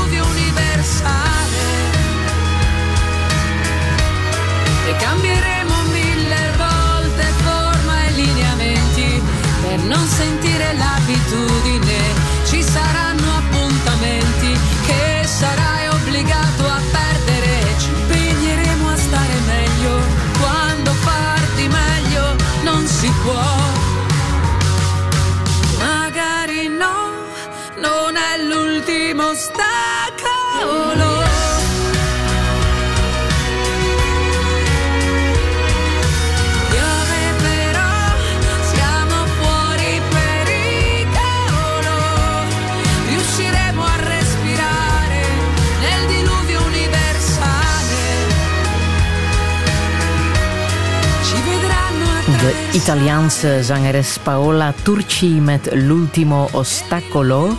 Luc Colémont, uh, je hebt ze nog een Instagram-berichtje gestuurd. Ja, ik heb ze een uh, Instagram-berichtje gestuurd om te zeggen dat ik uh, deze plaat gekozen had. Ik denk dat er weinig luisteraars dit nummer kennen. Dit is een nummer van het recente Songfestival in Sanremo, hè, 69e editie dit jaar, waar het Songfestival, zodat ik het voor het andere Songfestival zeg, nog een echt Songfestival is. Hè. Dit was een van de finale nummers. Uh, ik vind het een heel mooi nummer om diverse redenen. Um, Paola Turci Um, dit nummer, L'ultimo ostacolo, gaat over het leven eigenlijk. Hè. Het leven is eigenlijk één hindernissenloop. Hè. En we moeten allemaal hindernissen nemen. De ene soms al vroeger als de andere, de ene al wat hoger dan de andere. En we hopen allemaal, we dromen er allemaal van, van eens ooit die laatste hindernis te nemen en dan rustig verder te kunnen leven. En zij zegt ook in dit nummer van we hebben in ons leven geleerd van die eerste hindernissen te nemen met ons vader, met onze papa, die ons dat geleerd heeft. En ik vind het een heel mooi nummer. Ook muzikaal vind ik een goed nummer. En dus ook een, zij heeft ook een toch wel een bijzondere carrière gehad, omdat ook in datzelfde jaar dat onze papa gestorven is, 15 augustus 93, heeft zij een zwaar auto-accident gehad op het ogenblik dat zij op haar mobieltje aan bezig was, al in die tijd, en dat was geen goed idee, want zij heeft een zeer zwaar auto-accident gehad, waar zij heel veel letsels in haar gezicht en haar gelaat en ook aan haar ogen had. Meer dan twintig operaties achter de rug. En zeer snel de draad terug opgepakt. En ik vind dat een fantastische vrouw. Heel mooi nummer. En uh, als je het weet, dan ziet je misschien een beetje. Maar uh, het was, ik vond het spijtig dat de Songfestival niet gewonnen had. Maar het is voor mij een heel mooi nummer dat ik heel veel draai. Ja, jij spreekt ook Italiaans? benissimo italiano, possiamo continuare in italiano.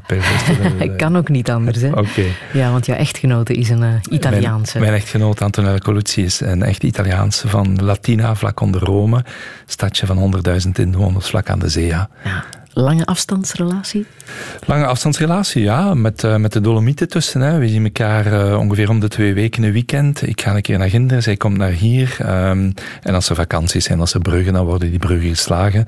Laat ook toe dat ik mij fulltime in de week op stopdarmkanker kan concentreren, want dat is ook nodig. Maar dat we toch ook momenten hebben om uh, rust en zon en zee in Italië op te sporen, want daar laat je dus de batterijen op. Hè. Mm -hmm. En op die manier heb ik ook goed Italiaans leren spreken. En geef ik ondertussen ook in Italië lezingen in het Italiaans. Uh, deze week was een lezing gepland bij Fiat, maar die is uitgesteld. Maar uh, vrijdagavond geef ik een lezing in Rome. En de, week, de maand nadien ook in uh, Latina voor het algemeen publiek in het Italiaans. Ja. Kan je doen omdat je geen kinderen hebt? Ik heb jammer genoeg geen kinderen. En ik zeg jammer genoeg, omdat ik moet daar eerlijk in zijn. Ik zeg altijd dat ik 50% van de tijd echt spijt heb dat ik geen kinderen heb. Want die momenten van een eerste communie, van een eerste schooldag, het eerste liefje, het eerste dit, die heb ik allemaal niet meegemaakt. Hè. Uh, ik heb zo met een van mijn fijne neven, met Jo, die waarschijnlijk aan het luisteren is, een enorm fijn gesprek gehad. Hij vroeg van, vind je dat niet gek dat je 50% van je eigen niet kan verder zetten? Ja, dat is gek. Dat is gek. Ja, oké. Maar daar heeft uh, iemand anders over beslist. Hè. Als ze boven zeggen van, jij kunt geen kinderen krijgen, oké, okay, dan is dat zo. 50% van de tijd denk ik in mijn eigen, och kijk, um, heeft ook andere deuren geopend en andere mogelijkheden gegeven.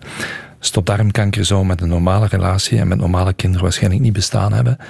En oké, okay, dus dat bestaat nu wel. Mm. Op welke manier heb je daar vrede mee genomen? Dat een leven zonder kinderen ook best prima is? Um, oh, daar ben ik eigenlijk al, ik denk, een twintigtal jaren mee in het reinen en kan ik daar perfect mee leven. Ik heb uh, gelukkig heel wat uh, lieve nichtjes en neefjes, ook in Italië, die heel blij zijn als ze Zio Luca zien komen. En daar krijg ik heel, heel veel affectie van en dat is heel ook... Uh, dat compenseert wel een deel, ja. ja, ja. Was adoptie een, een optie? Frida, dat is een goede vraag. Um, ik heb dat eerlijk gezegd is dat nooit in mijn hoofd, heeft dat nooit in mijn hoofd gespeeld. Nee. Ah. En ik kan ook niet zeggen waarom niet of waarom wel. Maar um, nee. Het boek Ikigai heeft jou ook uh, wijze lessen uh, gegeven. Hè? Dat is een, ja, dat is een Ikigai is een heel mooi boek, eh, boekje. Ikigai komt uit de Japanse zenleer. Hè. Eh, ik heb zo na een interview voor een tijdschrift iemand die me zei, kent u het woord Ikigai? Ik zeg, nee, ik ken dat niet. Ja, dat is zeker op toepassing van u. Ik zeg, ja, leg een keer uit. En Ikigai zijn eigenlijk vier cirkels die samenkomen in het midden. En de eerste cirkel is, sommige mensen zeggen tegen mij, ja Luc, dat is uw passie, die stopdarmkanker. Ik zeg, ja, oké. Nee, zeggen ze, dat is uw missie. Zeg, ja, oké. Nee, dat is uw roeping. Ik zeg, ja, wat is het verschil allemaal? En nu is het uw beroep ook. Ik zeg, ja. Wel, die vier cirkels, passie, missie, roeping en beroep, die komen samen in het midden. Dat is de zin van het leven. Ik heb de zin van het leven gevonden. En dat is ook wat Ikigai... eh, Ja, Ikigai betekent Betekent. de zin van het leven. ja. En ik denk dat die vier zaken bij mij perfect samenvallen nu. En dat ik de zin van het leven gevonden heb. Dat wil ook zeggen dat je echt nooit met pensioen kan. Ik ken dat woord niet, hè. Ehm, en ik ben nog wel van plan van eh, nog wel enkele jaren, nogmaals, als de gezondheid het toelaat, eh, verder te gaan. En, want de tegenstander die heeft voorlopig nog niet opgegeven, hè. Ah. darmkanker. Want ja, mensen met, eh, met kinderen die zien hun leven eh, op een of andere manier eh, doorleven via hun kinderen. Hoe gaat, ga jij dat doen? Heb je daar... Wel, ik ben blij. Ik, ben, ik moet eerlijk zeggen, van al de projecten die ik met stopdarmkanker gedaan heb, en we hebben al wat campagnes gedaan, ik moet echt zeggen dat, oké, het boek eh, dat aan zijn vijfde druk is, is altijd fijn, maar die Dirk, dat stripverhaal dat hier ligt, dat nu al in andere talen is, daar laat ik toch een stukje van mijn, ach- van mijn eigen achter voor de toekomst. De dag dat ik er niet meer ben, en die dag gaat ooit komen, dan hoop ik dat Dirk nog gelezen wordt. En dat mijn boodschap, doe de test, toch uitgedragen wordt. Ja, want de eh, milieujongeren bijvoorbeeld, eh, die eh, willen geen kinderen. Als dat hun bewuste keuze is om, die, om dat klimaat te verbeteren, ja, dan moet je daar respect voor hebben. Als zij daar hun redenen voor hebben, bij mij was het dus anders, omdat er geen kinderen konden komen. Hè. Ehm, daar laat ik hun vrij in. En als, nogmaals, als dat hun keuze is, oké, ik respecteer die. Wie ben ik om daar een oordeel over te vellen? Hè? Mhm. Volg je hun strijd? Want dat Wel, ik, komt ook een eh, beetje samen. Hè? Dat ik is vind ook het hun- knap dat het is een campagnegroep, het is een actiegroep, een eh, maatschappelijk thema. Ik heb al gedacht, wat kunnen wij uit hun zaken leren? Ehm, ik, ja, chapeau voor hetgeen wat ze doen en wat ze toch op de agenda gekregen hebben. Hè. Mm, Het zijn grote wereldleiders die geen kinderen hebben. Hè? Eh, wist ik niet. Macron, Juncker, Rutte, Merkel, May zijn allemaal kinderloos. Frederik Dan heb je meer tijd om eh Ja, ik denk nogmaals. passie verder uit ja, te dragen. Ja, ja. Want eh, ik denk dat elke vader, ook bij ons thuis was het zo, en die geeft toch heel wat tijd in de opvoeding van de kinderen. Er gaat tijd, wordt tijd ingestoken, bij mij komt die tijd vrij.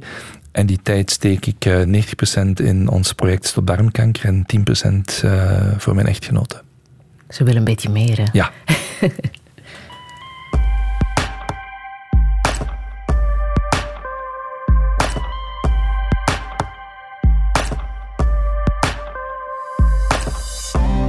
Ta présence dans la pièce. Tu t'avances sur moi, ce mélange de force, tendresse, nos conversations, de tout, de rien.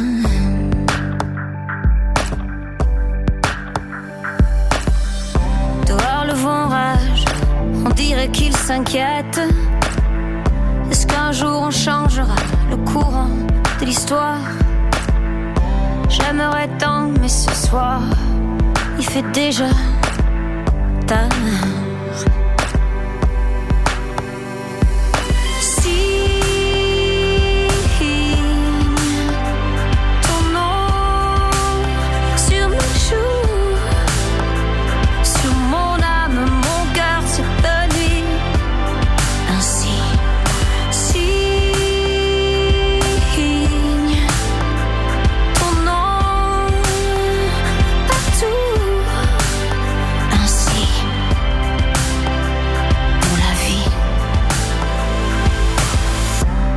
Je voudrais me perdre dans tes bras.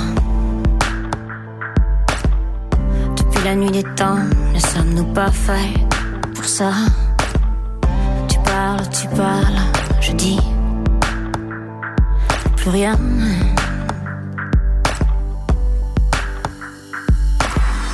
Dehors le vent rage, on dirait qu'il porte en lui tant de noms, tant d'années d'émotions. Est bon, je me dis, mais qu'est-ce qu'on peut être con Pardon.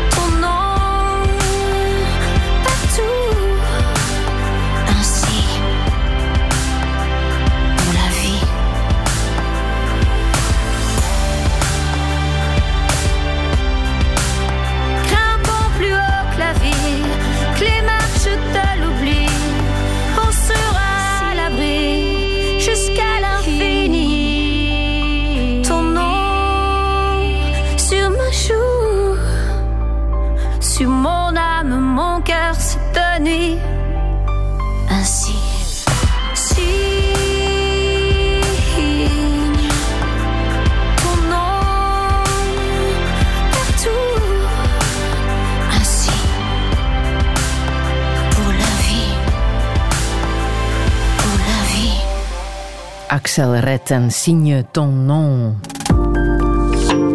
Radio 1.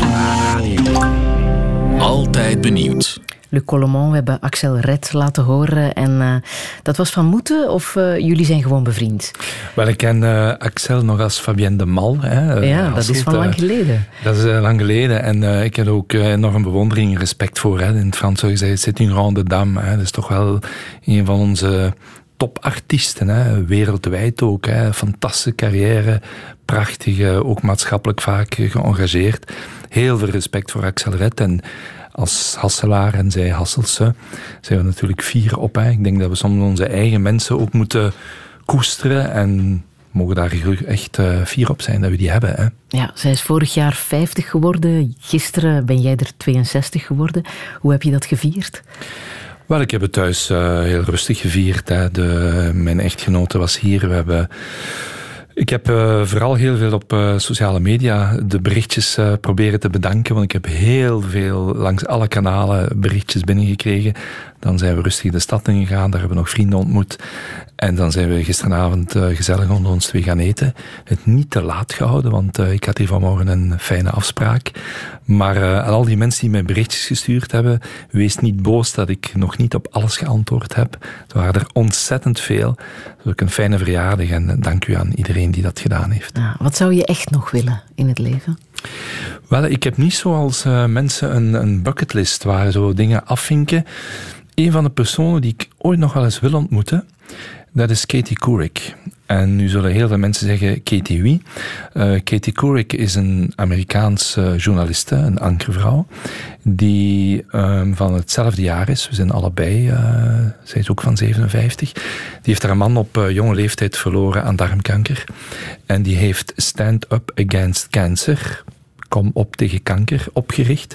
En heel veel campagnes en heel veel acties gedaan. Ze is ook de enigste vrouw die alle Amerikaanse presidenten één uur in haar talkshow 60 minutes eh, geïnterviewd heeft. Ik vind dat een enorm voorbeeld die mij ook heel veel geïnspireerd heeft. eh, nog zelfs voor stopdarmkanker. En die zou ik nog wel eens willen ontmoeten. Koffietje van een half uur, dat zou ik wel leuk vinden. Dat moet toch nog lukken, denk ik. Dat moet kunnen, denk ik. Ja. Ja, ze heeft ook een interessante podcast. eh, Ja, ze is eh, ook heel veel actief op social media. En we hebben dus één keer heel even via Twitter contact gehad. Maar ik hoop dat dat toch nog een IRL, een in, in real life ontmoeting wordt. ja, de sociale media, daar ben je helemaal... eh, Ja, sociale media heb ik leren kennen eh, dankzij de drie jonge studenten met wie ik uh, Stopdarmkanker in februari 2010 heb opgericht. Want toen kende ik niks van sociale media. Nu geef ik ook lezingen over, ben ik zelf heel actief. En ik vind dat positief een fantastisch middel. Ik vind het jammer dat sociale media de laatste tijd nogal vaak een negatieve connotatie krijgen.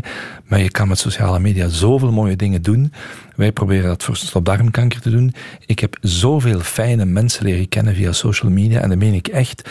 Mensen die ik anders nooit zou ontmoet hebben. Om te beginnen Marie Koeken, maar ook vele andere mensen.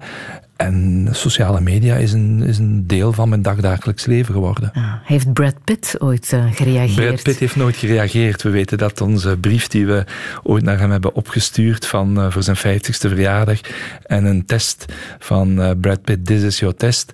Hij heeft nooit geantwoord. We weten wel dat de brief op de juiste plaats terechtgekomen is. Maar we hebben er wel heel wat media-aandacht voor gehad. We hebben er ook een award voor gekregen voor de beste social media online campagne. Dus ehm, dat is een, ja, een leuk, leuk verhaal in de geschiedenis van Stop Darmkanker. Ja, en hij kan nog altijd reageren. Hij mag Het altijd antwoorden. Ja, absoluut. Geen enkel Ja, ja, probleem. want het hij- helpt als je dat soort verhalen kan, eh, kan teweegbrengen. Absoluut, als hij dit hoort, ik weet niet of hij op zondagmorgen naar eh.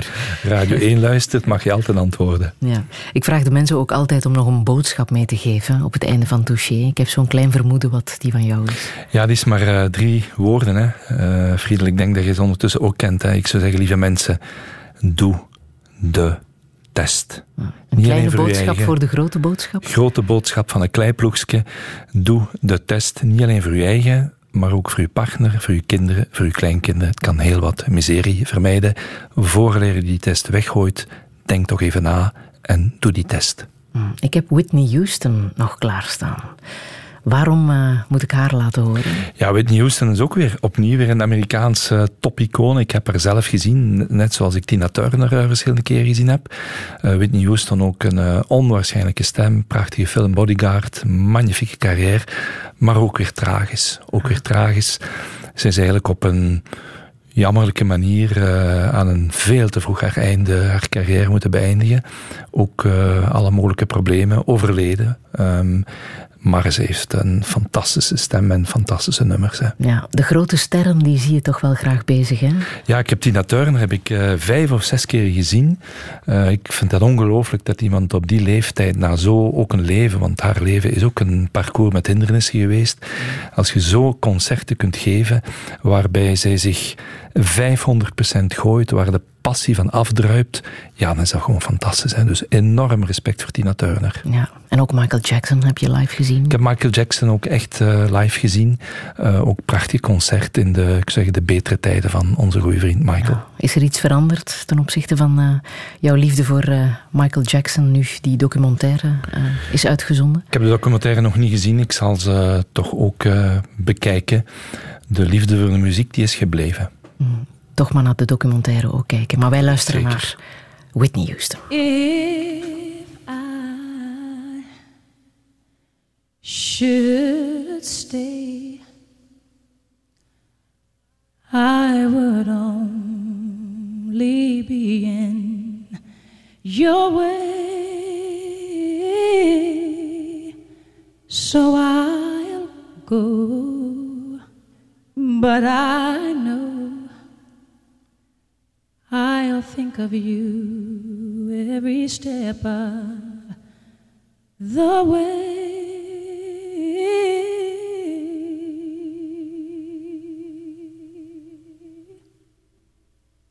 And I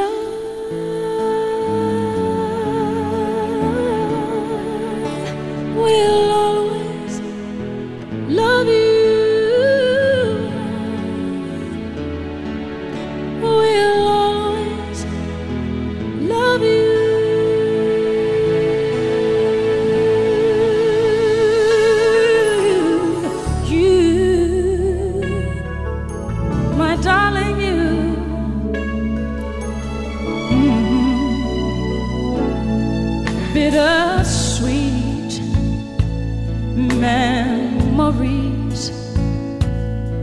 That is all I'm taking with me. So goodbye. Please don't cry. We both know I'm not what you you need.